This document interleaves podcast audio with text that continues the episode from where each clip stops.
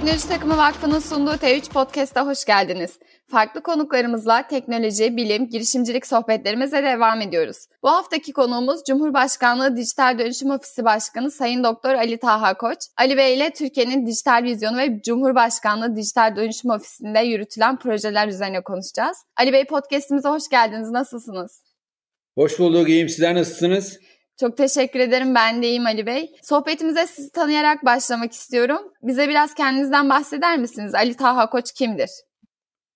Ali Taha Koç, nereden ne kadar geri gidelim de üniversiteden başlayalım o zaman. Bilkent elektronik mühendisliğinden mezun olduktan sonra Amerika'ya gittim. Amerika'da doktoramı University of Texas'ta bitirdim. Doktoramı gene kablosuz iletişim üzerine tamamladım. Esas uzmanlık alanım kablosuz iletişim ve yeni nesil teknolojiler. 4G, 5G, 3G teknolojileri. İşte zamanında 3G'ydi.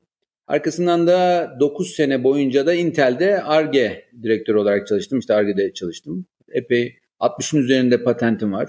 Söyleme sayıp. Ee, ama hepsinin hakkı Intel'e Intel'e ait. Benim herhangi bir hakkım yok üzerinde ama isim hakkım var. İs, ismi burada konuş üzerine konuşabiliyorum şu anda. Arkasından da 13 sene Amerika hayatımdan sonra 2014 yılında Türkiye'ye kesin dönüş yaptım. Önce Sayın Cumhurbaşkanımız o zaman Başbakandı, Başbakan Başmüşavir olarak teknoloji alanında danışmanlık yaptım. Arkasından da Cumhurbaşkanlığı hükümet sistemine geçişle birlikte öncelikle Cumhurbaşkanlığı'nın Bilgi Teknolojileri Başkanlığı yaptım. Ve son 3 senedir de yeni hükümet sistemiyle beraber kurulmuş olan Cumhurbaşkanlığı Dijital Dönüşüm Ofisi Başkanlığı'nı yerine getirmekteyim. Aynı zamanda bir TürkSat'ta da yönetim kurulu üyesiyim ve uzaya ve uzay konularında da yoğun bir ilgim var. Kısaca özetleyebilirim. Evliyim, bir tane de oğlum var.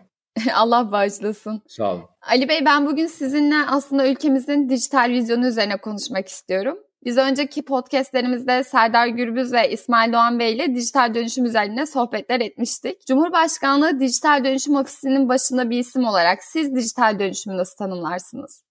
Şimdi bu dijital dönüşüm olmazsa olmaz. Öncelikle bir seçenek değil. Günümüzde dijital dönüşüm bir mecburiyet olduğunu farkında olmamız gerekiyor. Biz dijital dönüşüm ofisinin kurulmuş sebeplerinden birisi de bu zaten. Yeni hükümet sisteminde kurulan ofislerden bir tanesi. Diğer ofislere baktığımız zaman ne kadar önemli olduğunu daha net anlayabiliyoruz. Neydi? İnsan Kaynakları Ofisi, Finans, Yatırım ve dijital dönüşüm. Yani Sayın Cumhurbaşkanı yeni hükümet sistemiyle birlikte dört ana alanı seçerken bunlardan birisini dijital dönüşüm ofisi olarak seçti. Yani buna baktığımız zaman dijital dönüşüm nedir? Yeni teknolojilerle, dijital teknolojilerle sosyal ve ekonomik refahın artırılması için top ve insan, iş süreçleri ve teknolojideki bütüncül bir dönüşümü bahsedebiliriz. Şöyle bir diyeyim mesela. Biz dijital dönüşüm dediğimiz zaman sadece teknolojiyi kullanmak değil, teknolojiyi üretmekten de bahsediyoruz. Aynı zamanda bu teknolojilerle birlikte verimliliği arttırmaktan da bahsediyoruz. Şimdi ondan dolayı insan süreçler ve teknoloji unsurlarının hep beraber gitmesi lazım. Dünyanın en iyi teknolojisini getirseniz bile eğer onu kullanacak, onları verimli bir şekilde kullanacak bir insan kaynağını, beşeri sermayeyi oluşturmazsanız dijital dönüşümden bahsedemezsiniz. Aynı zamanda teknolojiyi çok iyi yerine getirmiş olsanız bile eğer süreçleriniz ona uygun değilse o teknolojiyi verimli kullanamazsınız. Ben hep bunu şöyle anlatırım biraz da benzetme olsun tam birebir olmasa bile bir bozuk yolda siz dünyanın en iyi en lüks teknolojik arabasını getirseniz bile belli bir hızla ilerleyemezsiniz. Çünkü niye? Yolunuz kötü. Önce yolunuzu düzeltmeniz lazım. Arkasından peki o yolu düzelttikten sonra peki hayatında hiç düzgün araba kullanmamış bir insanı şoför yaparsanız Yine o yolda hızlı gidemezsiniz. Verimli gidemezsiniz. Ondan dolayı hem altyapıyı iyileştirmemiz gerekiyor hem de insan kaynağını ve iş yapış şeklimizi değiştirmemiz gerekiyor. Biz de Cumhurbaşkanlığı Dijital Dönüşüm Ofisi olarak öncelikle kamudan başlamak üzere tüm Türkiye'nin dijital dönüşümünden soruluyor. Yani bu anlamda baktığımız zaman Dijital Dönüşüm Ofisi'nin bir nolu kararnamede yazan görevler arasında Türkiye'ye yenilikçi teknolojileri getirmek, aynı zamanda Türkiye'nin ve kamunun dijital arayüzü olan ve hepimizin çok çok kullandığı e-Devlet Kapısı dediğimiz Dijital Türkiye portalinin sorumluluğu bize verildi. Ve aynı zamanda şimdi dijitalleşmeyle gelen bazı sorunlar da var. Nedir mesela? Çünkü her şeyimiz dijital olduğu zaman bu verilerin mahremiyeti ve güvenliği de önemli bir sorun oluşmaya başladı. Ondan o anlamda da baktığımız zaman başta kamu olmak üzere siber güvenliğin tek çatı altında toplanması anlamında biz de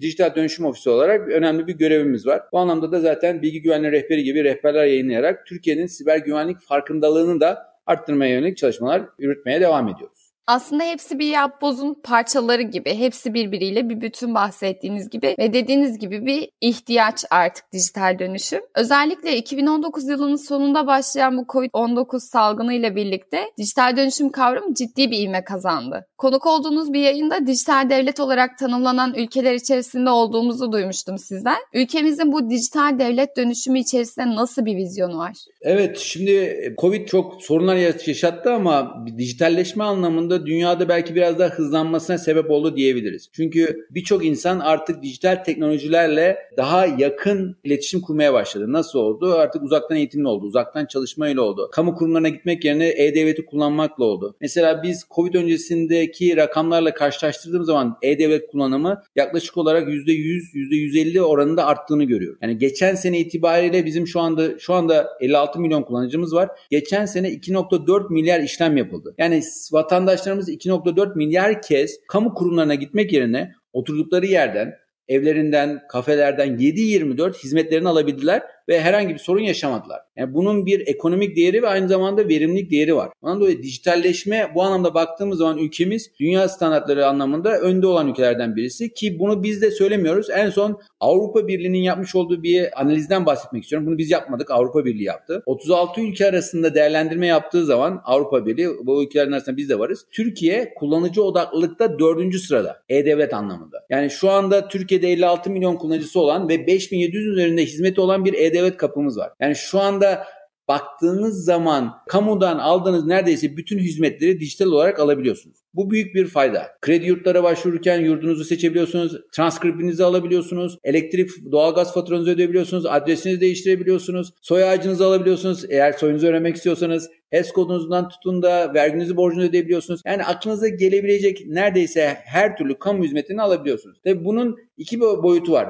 Bu boyutların en önemlisi verim artışı. Vatandaşlarımız bu işlerle uğraşmak yerine mesela bir yerden bir yere taşındınız, adresinizi değiştireceksiniz, telefon hattınızı değiştireceksiniz, doğalgaz elektrik hattınızı değiştireceksiniz. O kadar yorgunluğun üzerine taşındınız Evde otururken çayınızı içerken ya ben de şu adresimi değiştireyim diyorsunuz. Hemen E-Devlet'e giriyorsunuz. Aa ben de şu elektrik faturamın adresini yerini değiştireyim diyorsunuz. Hemen E-Devlet'ten yapabiliyorsunuz. Ya bunun vermiş olduğu bir biz mutluluk çarpanı etkisi olduğunu düşünüyoruz. Yani dijitalleşmenin özellikle kamu hizmetlerinin sunumu anlamında insanlarımızın refahını ve e, ve aynı zamanda da mutluluğunu arttırdığını düşünüyoruz. Bu anlamda baktığımız zaman biraz önce bahsettiğim gibi Türkiye dünyada özellikle Avrupa Birliği'nde dördüncü sırada diyebiliriz bahsettiğiniz gibi bir sürü kurumda aslında yer alıyor bu bahsettiğiniz dönüşümler. Ben hatırlıyorum ilk defa soy ağacına baktığımız zaman sistemler kilitlenmişti. Herkes demek ki çok merak ediyormuş soyunu falan. Şu an bir de HES kodu olayı var mesela. E-nabızla bağlantılı e-devlet. HES kodu yine aynı şekilde bir sürü işlemimizi hızlandırıyor. İşte aşımız aktarılıyor falan. Bu gibi insanın hayatını gerçekten çok kolaylaştırıyor. Şimdi E-Devlet'e girip halledemediğimiz işlem sizin de dediğiniz gibi neredeyse yok. Bu süreçte kurumların ve vatandaşın adaptasyonunda ne gibi zorluklar yaşandı? Şimdi bu dijitalleşme tabii bir süreç. Bir anda nasıl biz e, okuma yazmayı öğreniyorsak dijital okur yazarlıkta öğrenilmesi gereken bir süreç. Yani bir anda doğduğumuz gibi hemen dijital teknolojilerle adapte olamıyoruz. Belli bir süreç gerektiriyor. Tabii genç nesil bizim en büyük avantajımız nüfusumuzun çok genç olması ve dijital teknolojilere olan yatkınlığımız özellikle kullanma anlamında çok istekliyiz. E, yeni teknolojilere çok hızlı şekilde adapte oluyoruz. Bu anlamda genç nüfusa baktığımız zaman E-Devleti özellikle, özellikle Dijital Türkiye portalini kullanma oranında %90 küsürlerin üzerinde bir oranımız var. Ama bir tabii eksikliklerimiz de var. Yaşlandıkça yani yaşımız arttıkça mesela 65 yaşın üzerine geldiğimiz zaman bu oran %70'lere kadar düşüyor. Yani 65 yaş üzerindeki nüfusumuzun %75 70'i 72'si E-Devleti kullanabiliyor kullanıyor. Daha, daha doğrusu E-Devlet şifresi almamış. Biz de ne yaptık onun için? E, hem de Covid'i de bahane ettik. Covid'de siz bize gelmiyorsunuz biz size geliriz dedik. Eğer 65 yaşın üzerindeyseniz Türkiye Gov.tr'den başvuruyorsunuz. Biz evinize kadar gelip size dijital Türkiye e-devlet şifrenizi veriyoruz. Ve orada size ufak bir eğitim veriyoruz. Bizim amacımız 16'dan bizim çünkü e-devlet şifre yaşımız 16'dır. 16'dan bütün 70-80 yaşımız ne olursa olsun bütün Türk vatandaşlarımızın e-devleti kullanmasını istiyoruz. Tabii bu anlamda şöyle bir durum da oluyor. Bu bir alışkanlık meselesi olduğu için biraz da değişim mesela. Genelde belli bir yaştan sonra vatandaşlarımız işte kamu kurumlarına gitmeye, bankaya gitmeye bu tür şeyleri biraz bir aktivite olarak görüyor. E, onun yerine evinde oturup iki dakikada havale yaptığını düşünürse veya bir adresini değiştirdiğini düşününce tam da inanamıyor gibi bir durumda ulaşabiliyor. Yani evet. aa gerçekten de oldu mu? Yani genelde vardır ya artık herkes makbuzunu alır hala gerek dijital ortamda her türlü makbuzun veya ortamın saklanmasına rağmen belli bir bu kültür dönüşümü yavaş yavaş olacak. Çünkü dijitalleşme bir inanmayla alakalı. Yani gerçekten işlerin doğru olduğunu. Çünkü elinizde herhangi bir kayıt yok. Yani dijital ortamlarda yazan şeylere güvenmeniz gerekiyor. Bu anlamda baktığım zaman E-Devlet'te en son yapmış olduğumuz bir e, memnuniyet anketi var. Bundan da biraz bahsetmek istiyorum. Yaklaşık 40 bin kişiye sorduk E-Devlet'e girdikleri zaman ve yaklaşık olarak %92, 92.5 oranında bir memnuniyet var. Tabii belli istekler de var. Daha kullanıcı arayüzü olsun isteyenler var. Daha hızlı olsun isteyenler var ama kullanıcı memnuniyeti anlamında da başarılı bir E-Devlet portalimiz var. Dediğim gibi 2.4 milyar tane işlemin kazasız yapılması bu sistemin doğru çalıştığını gösteriyor. Tabii şunu da söylemem lazım. Biraz önce siz de bahsettiniz. Soy ağacı gibi bazı anlık yükselmelerle sistemlerde biraz yavaşlamalar olur. Bu dünyanın her yerinde olur ama herhangi bir şekilde son birkaç yıla baktığınız zaman E-Devlet'te çok yoğun bir şekilde bir duraksama olmadı. Çünkü zaten duraksama olduğu zaman 5700 tane hizmetin verildiği bir kapının çalışmaması devletin işleyişi anlamında da epey sorun yaratacağı için ona çok yoğun bir şekilde çalışmalarımız devam ediyor. Her zaman teknolojimizi güncelliyoruz ve her zaman da vatandaşımıza 7-24 istediği yerde, istediği yerden, istediği zaman hizmet verebilecek bir altyapıyı kuruyoruz. Bu bahsettiğiniz şeyler aslında büyük yatırımlar da gerekiyor. Cumhurbaşkanımız ilk defa 2020 Kasım ayında yerli ve milli bir yazılım yardımıyla büyükelçilerle bir toplantı gerçekleştirmişti. Biraz da bu dönüşümlere yönelik yatırımlardan ve planlardan bahsedebilir misiniz? Çünkü çok büyük bir olay var ortada. Çok büyük bir kitle var. Bu yatırımların da hani meblası büyüktür muhakkak. Bunlardan bahsedebilir misiniz biraz? Tabii dijital Türkiye ve özellikle de milli teknoloji hamlesi ruhuyla çıktığımız bu yolda teknolojiyi sadece tüketen değil aynı zamanda üreten bir ülke olmak için çalışıyor. Teknolojiyi üretebilmekte ancak yerli ve milli bir anlayışla olur. Biz de bu anlamda baktığımız zaman sadece şu anda savunma sanayinde göstermiş olduğumuz büyük başarıların yanında yazılım sektöründe de ve dijital alanda da aynı gibi başarıları göstermek istiyoruz. Savunma sanayinin dışında tabii Peak Games gibi oyun sektöründe de çok başarılarımız var. En son e-ticarette şirketlerimizin çok büyük bir değerlendirmesi var. Çünkü onlar artık biz e-ticaret değil bir teknoloji firması. Aynı şekilde e-devlet yazılımı da bizim için yerli ve milli olarak TÜRSAT tarafından geliştiren bir yazılım. Ve biz bunu artık bir ülke olarak diğer ülkelerle paylaşıp veya diğer ülkelere de destek olma anlamında da kullanıyoruz. Çünkü yerli ve milli bir yazılımımız var. Kuzey Kıbrıs'a biliyorsunuz Kuzey Kıbrıs Türk Cumhuriyeti'ne e-devlet kapısını açtık yaklaşık olarak 3 ay önce Sayın Cumhurbaşkanımızın önderliğinde. Azerbaycan'la görüşmelerimiz devam ediyor. Yani çünkü biz dijital teknolojilerin paylaşıldığı zaman daha da güzelleştiğini, da mutluluğun arttığını düşünüyoruz. O anlamda da e-devlet teknolojisine yapmış olduğumuz yerli ve milli yazılımların hepsini diğer ülkelerle de paylaşıyoruz. Şunu da söylemek istiyorum. Yerli ve milli yazılımların önemi şu anlamda çok değerli. Çünkü bir bilgi birikimi gerekiyor. Biz dijital dönüşüm dediğimiz zaman insan ve iş süreçleri dedik. Bu insan ve iş süreçlerini ancak yerli ve milli yaptığınız zaman belli bir rotaya oluşturabiliyorsunuz. Eğer sürekli yabancı bir yazılım kullandığınız zaman belli zamanlarda onun güncellemesini, adaptasyonunda sorunlar yaşayabilirsiniz. O anlamda kendi mühendislerimiz tarafından yapılmış yerli yazılımlar sayesinde biz istediğimiz şekilde Dijital Türkiye portali yani E-Devlet kapısını istediğimiz gibi değiştirebiliyoruz. Bu anlamda bir eksiğimiz yok. Tabi donanımsal olarak bazı yabancı ürünleri kullanıyoruz. Bu dünyada herkes tarafından kullanılan ürünler ama üzerine kurmuş olduğumuz yazılımların hepsi yerli yazılımlar. Yani bizim mühendislerimiz tarafından yapılmış yazılımlar. Bu anlamda baktığımız zaman E-Devlet kapısı Türkiye'nin birçok dijitalleşme, kamunun dijitalleşme projeleri arasında en büyüğü. Tabi bunlara örnek verebilirsek bir e-okul projesi çok büyüktür. E-nabız sağlık sektöründe çok büyüktür. Ama mesela şeydir baktığımız zaman e-SGK, hazinenin e-maliye, e gelir, elektronik gelir dersi ama bunların hepsinin çatısında hepsinin birbirine bağlayan bir e-devlet kapımız var. Şu anda dediğim gibi 56.5 milyon kullanıcısı olan çok büyük bir aileyiz biz esasında. Biz dijital aileyiz. Herkesin her gün girebildiği, rahatça hizmetlere ulaşabildiği bir kapı. Tabii bu bizim için yeterli değil. Şunu da söylemek istiyorum. Biz daha proaktif olmak istiyoruz. Yani nasıl sizin bize sormadan bizim sizin ihtiyaçlarınızı bildiğimiz için devlet olarak size hatırlatıcı olmak istiyoruz. Nasıl mesela? Eğer belli bir yaşa gelmiş çocuğunuz varsa size okul kaydınızı daha önceden söylemek istiyoruz. Eğer aşı vaktiniz geldiyse aşı vaktiniz geldiğinizi söylemek istiyoruz. Yani sizin bize sorgulamadan daha çok bizim size bilgilendirme yapacak bir yapıya doğru geçişimiz. Buna biz dijital devlet versiyon 2.0 da diyebiliriz. Portalimizi sadece sorgu yapıp hizmet alınan değil, size bir danışmanlık yapan, sizin bir dostunuz yani dijital devlet kapısı bir dostu olarak tekrar yeniden yapılandırma çalışmalarımız devam ediyor. Bu anlamda da baktığımız zaman şunun farkına vardık. Hizmet sayısı arttığı zaman yaklaşık olarak 5700 tane hizmetimiz var. Bu hizmetlerin hepsine ulaşmak ve isimlerini bilmek biraz zor oluyordu. Onun için de yeni bir konsept geliştirdik. Buna da konu odaklı hizmet. Herkes herkesin büyük ihtimal sizlerin de vardı. Arabası var değil mi? Arabanızla ilgili birçok kamu kurumunu ilgilendiren hizmet var. Vergisini ödeyebilirsiniz, HGS ögesini ödersiniz, cezasını ödersiniz, emisyonunu yaptırırsınız. Ama bunların hepsini ayrı ayrı hizmet olarak almaktansa biz bütünleşik hizmet dediğimiz yeni bir portal oluşturduk. Araçlarım diye bir bütünleşik hizmetle aracınızla ilgili herhangi bir şey, her türlü hizmeti aynı anda alabileceğiniz bir portal. Yani E-Devlet kapısının altında daha geniş hizmetler alabileceğiniz bir portal oluşturduk. Aynı şekilde bu baktı ki vatandaşlarımızın çok ilgisini çekti. Çalışma hayatım diye ve ikametgahım diye iki tane daha yeni bütünleşik hizmet oluşturduk. Yani nasıl yani? Herkesin çalışması gerekiyor. Çalışması gerektiği çalışmayla ilgili de hizmetleri alması gerekiyor. Bu anlamda baktığımız zaman çalışan herkesin SGK borcundan prim ödemesine kadar, emekliliğine kadar her şeyi görebileceği veya ikametgahımla evinizle ilgili her şeyi görebileceğiniz bir kapıya doğru gidiyoruz. Esasına baktığınız zaman kullanıcı odaklılıktan sonra şu anda da yenilikçi teknolojileri kullanarak daha vatandaşımızın hizmetlere kolay ulaşımını sağlamış oluyor. Yenilikçi teknolojiler demişken tabii bu anlamda hem blockchain teknolojilerini de kullanıyoruz. Yerli ve milli yazılımların kullanıldığı Türkiye'nin en büyük platformu diyebiliriz. Yazılım çok önemli gerçekten. Sizin de bahsettiğiniz gibi siber güvenlik tarafı da yazılım, e-devlet kısmı da yazılım. Bunların hepsi yazılım. Hatta 1 milyon yazılımcı projesini de açmıştınız daha önce. 1 milyon yazılımcı deyince ne anlamamız gerekiyordu mesela buradan? 1 milyon tane yazılımcı ihtiyacı var mı diye soran çok olmuştu mesela.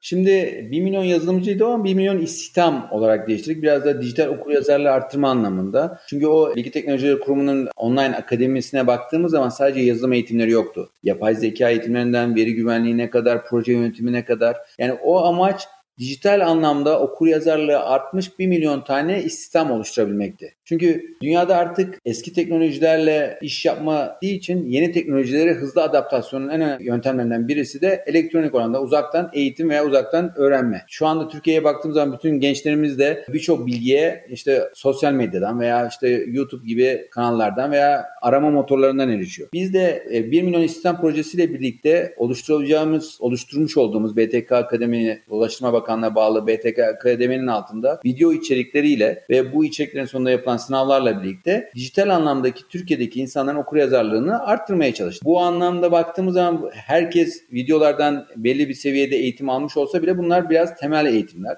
kendinizi hep geliştirmeniz gerekiyor. Bu anlamda da birçok eğitim seviyesi var. Öncelikle bir işte kodlamaya giriş eğitimi almanız gerekiyor. Orada videoları izliyorsunuz. Arkasından daha yoğun eğitimlerle beraber projeler yapıyorsunuz. Şunu söylemem gerekiyor. Bir yazılımcının hemen bir anda yazılımcı olabilmesi, 2-3 tane video izleyip yazılımcı olması imkansız. Aynı zamanda biz siber güvenlik konusunda da baktığımız zaman siber güvenlik eğitimleri de en az 3 ile 5 sene arası sürer. Ancak ondan sonra biz gerçekten bir siber güvenlik uzmanı diyebiliriz o kişiye. Bu anlamda da baktığımız zaman biz geçen sene itibariyle Savunma Sanayi Başkanımızla birlikte gene de bir İstanbul'da siber güvenlik meslek lisesi açtık. Yani Türkiye'de ilktir. Yani hep fen liselerini duymuşuzdur. Anadolu liselerini duymuşuzdur. Siber güvenlik meslek lisesi. Ve biz de orada eğitimlere katılıyoruz. Şimdi bu sene inşallah hazırlık dönemini geçtiler. İlk senesi olacak. Bu sene yine 60 tane öğrenci daha aldık. Ve bu arkadaşlar 5 sene bittikten sonra inşallah çok kaliteli bir siber güvenlik uzmanı olacaklar ama bu bir başlangıç. Sonra tekrar üniversiteye gidecekler. Üniversitede daha büyük eğitimler alacaklar. Daha yoğun eğitimler alacaklar. Ama yazılım ve siber güvenlik yaşının ben artık ilkokul seviyesine kadar indiğini düşünüyorum. Ve ilkokul seviyesinden başlamamız gerektiğini düşünüyorum. Bu anlamda da zaten Milli Eğitim Bakanlığı ile yoğun bir şekilde çalışıyoruz. Kodlama eğitimi. Çünkü hep e, bizim e, yabancı dil öğrenmek gibi bir şeydir kodlama eğitimi. Yani kodlamayı bilmeyen insanlar nasıl yurt dışına çıktıkları zaman e, yabancı dil bilmeyenler nasıl zorluk çekiyorlarsa kodlamayı bilmeyenler de dış dünyada, dijital ortamda eğer bir piyasada iş arıyorlarsa çok zorluk çekecekler.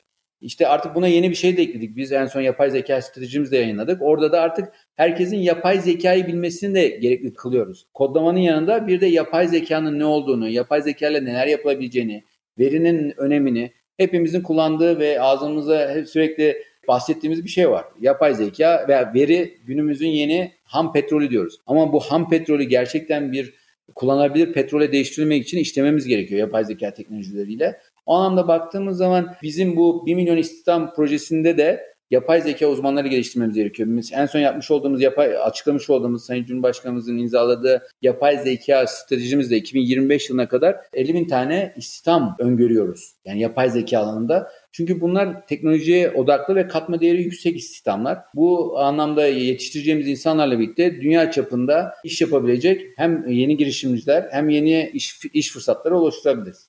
Ben de tam bu yapay zeka stratejisini soracaktım size. Konusu gelmişken onu da sorayım. Tam olarak içeriği nedir? Bize biraz bahsedebilir misiniz Şimdi bu bundan? yapay zeka bizim Cumhurbaşkanlığı Dijital Dönüşüm Ofisi'nin görevlerinden birisi yenilikçi teknolojilerde kamuoya önce, öncülük etmek. Sanayi ve Teknoloji Bakanlığı bizlikte hazırlamış olduğumuz yaklaşık 2 yıl süren bir süreç sonucunda birçok kamu kurumunun, 38 tane özel sektörün, 26 tane akademisinin ve 4 tane sivil toplum kuruluşunun beraber oturup 2 yıl üzerine çalıştığı bir strateji belgesinden bahsediyoruz. Bu strateji belgemiz 2021 ve 2025 yıllarını kapsıyor. 6 tane stratejik öncelik belirledik bu yapay zeka stratejimizde. Ama en önemli şeylerden birisi 3 tane önemli konuya odaklandık. Odak noktalarımız 3 tane. Veri, altyapı ve beşeri sermaye. Yani insan. Biz veriye erişimi kolaylaştıracağız. Altyapıya erişimi kolaylaştıracağız ve yapay zekayı bilen, yapay zeka ile algoritmalar geliştirebilecek insanları yetiştirmek istiyoruz. Bu üç odak noktası üzerinde bunları gerçekleştirmek için 6 tane stratejik öncelik belirledik. Öncelikle birinci önceliğimiz yapay zeka uzmanı yetiştirmek ve alanda istihdamını artırmak. Bunun için de çok önemli ve çok hedefe ulaşabileceğimize inanıyoruz ama zor bir hedef koyduk. 50 bin tane 2025'te 50 bin kişiye çıkarılacak bir istihdam hedefi koyduk. İkinci konumuz önceliğimiz araştırma, girişimcilik ve yenilikçiliği desteklemek. Çünkü bu anlamda TÜBİTAK aracılığıyla ve Sanayi ve Teknoloji Bakanlığı aracılığıyla yapay zeka alanına çalışmış sektörlerdeki startupları destekleyeceğiz. Akademisyenlerimizi destekleyeceğiz. Üçüncü stratejik önceliğimiz kaliteli veriye ve teknik altyapıya erişim. Şimdi yapay zekanın can suyu veridir. Veri olmadan hiçbir yapay zeka algoritması çalışmaz. Ama veri tek başına yeterli değil. Kaliteli veri diyoruz. Yani nedir bu kaliteli veri? Sınıflandırılmış, etiketlendirilmiş veri. Bu veriye erişimi Türkiye'nin inşallah yakın bir zamanda açık veri portalini açıklayacağız. Ulusal veri sözlüğü çalışmalarımız var ve herkesin veriye ulaşmasını kolaylaştıracağız. Ve aynı zamanda bu verileri işleyebilecek teknolojik altyapı, donanımlara ihtiyacımız var. Bu anlamda da donanıma erişimi de kolaylaştıracağız. Yani kamu anlamında bir birim kurup kamunun dijital işlemlerine veya yapay zeka işlemlerine kolayca yapabileceği bir altyapı kurmak istiyoruz. Dördüncü stratejik önceliğimiz yapısal ve iş gücü dönüşümünü hızlandırmak. Çünkü yapay zeka ile birlikte iş gücü tamamen değişiyor.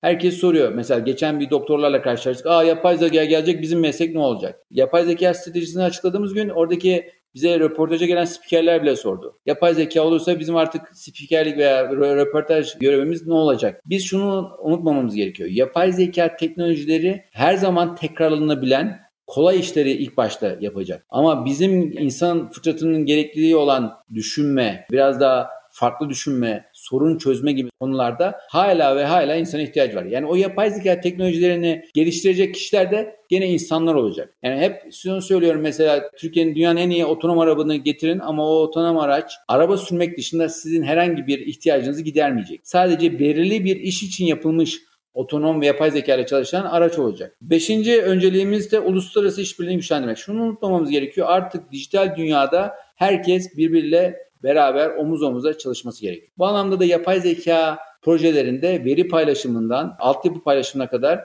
uluslararası işbirliklerini geliştireceğiz ve son olarak da sosyoekonomik uyumu hızlandıracak düzenlemeler yapmak. Dünyada şu konuşuluyor. Yapay zeka geldiği zaman dünyanın yönetişim tarzından tutun da ekonomik davranışlarına kadar başlı başına bir dönüşüme doğru gidiyoruz. İnsanların iş yapış şekilleri değişecek. İnsanların hayat şekli değişecek. Nasıl dijital bir devrim olduysa artık her şeyi evimize yapabiliyorsak yapay zekada ayrı bir devrim olacak. Bu anlamda bunları vatandaşlarımıza hazırlamak gerekiyor. Hazırlamamız gerekiyor ve bu treni kaçırmamamız gerekiyor. Yapay zeka devrimini kaçırmamamız gerekiyor. Bu strateji belgemiz bu teknolojik altyapıyı hazırlamak için Türkiye'yi bu teknolojik altyapıyı hazırlamak için oluşturulmuş bir belge. Ama en önemli hedeflerimizden birisi de şunu unutmamamız gerekiyor. 2025'e geldiğimiz zaman gayri safi yurt içi hasılaya katkımızın %5'e yükseltmesini bekliyoruz. Yani yapay zeka teknolojisinin etkisi o kadar büyük ve dünyada da çok büyük bir etkisi olduğu düşünülüyor. Eğer dünyadaki gelişimlere baktığınız zaman yapay zekanın değmediği bir teknoloji yok. Evden tutun da arabalara kadar, üretime kadar, e-ticarete kadar, arama motorlarına kadar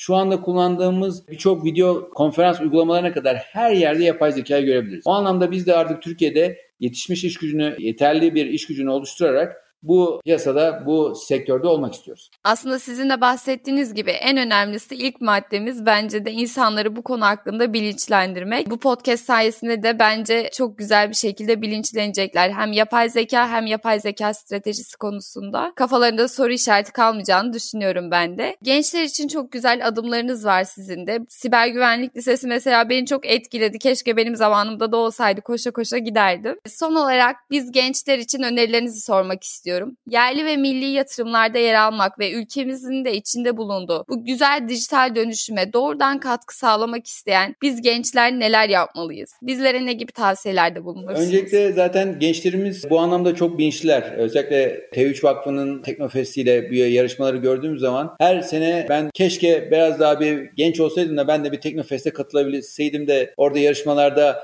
milli ve yerli üretime bir katkım olsaydı diye düşünüyorum. Biz de Cumhurbaşkanı Dijital Dönüşüm Ofisi olarak Teknofestler'de hem model ödü yarışmasında hem de Hack İstanbul gibi siber güvenlik yarışmaları yapıyoruz. Hackerlar yetiştiriyoruz. Biz onlara ama beyaz şapkalı diyoruz veya onlara artık beyaz şapkalı da demiyoruz. Türkiye'nin siber kahramanları diyoruz. Nasıl sınırlarımızı koruyan kahramanlarımız varsa gençlerimize özellikle siber kahraman olmak konusunda kendilerini geliştirmelerini tavsiye ediyorum. Çünkü bizim gerçekten siber güvenlik alanında dijital vatanımızı koruyacak gençlere ihtiyacımız var. Kendilerini biraz daha siber güvenlik alanında, veri mahremiyeti alanında kendilerini geliştirmelerini ve bu konularda projelere katılmaları, bizim yarışmalarımıza işte dediğim gibi geçen sene Hack Zoikma yaptık çünkü niye Gaziantep'teydik. Bu sene Hack İstanbul yapıyoruz gene yarışmamız.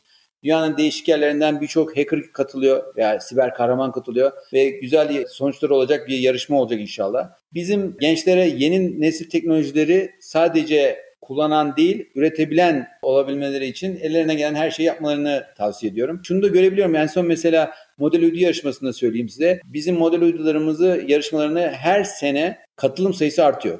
Ve her sene aynı zamanda kalite de artıyor. Da başarılı olan öğrenci sayımız da artıyor. Çünkü bu bir alışkanlık gibi bir şey. Yapabilme yani üretebilmeyi gördüğünüz zaman birbirine bulaşıcı bir etkisi var. Eğer gençlerimiz birisi yapabildiğini gösterdiği zaman etrafındaki e, bir ekosistem oluşturuyor ve herkes yapabileceğini, herkes çalışırsa yapabileceğini görüyor. Ve bu anlamda baktığımız zaman Teknofest gibi yarışmalar üretebilme kapasitesini geliştirme anlamda çok önemli. Gençlere söylediğim bu tür yarışmalara sürekli katılsınlar ve kendilerini sürekli geliştirsinler tüketmekten çok üretmeye yönelik davranışlarda bulunsunlar. Özellikle dijital dünyada. Çünkü dijital dünyaya bir girdiğiniz zaman kendinizi kaptırıp saatlerce kendinizi o ortamda zapturap altında kalabiliyorsunuz çıkamıyorsunuz bir müddete. Ama onun yerine dünyanın en iyi sosyal medya application'ı yapabilmek için kafa yorabilirler. Dünyanın en iyi video konferans uygulamasını kullanmak yerine onu yapabilmek için neler yapabiliriz diye kafa yorabilirler ve onunla ilgili projeler gerçekleştir projeler sunabilirler ve biz de dijital dönüşüm ofisi olarak gençlerimizin yaptığı her türlü projeye destek oluyoruz. Mesela nasıl siber güvenlik lisesine destek olduysak, Teknofest'teki birçok yarışmaya destek olduysak, genç girişimci arkadaşların teknoloji alanında, dijitalleşme alanında yaptığı her türlü projeye destek oluyoruz.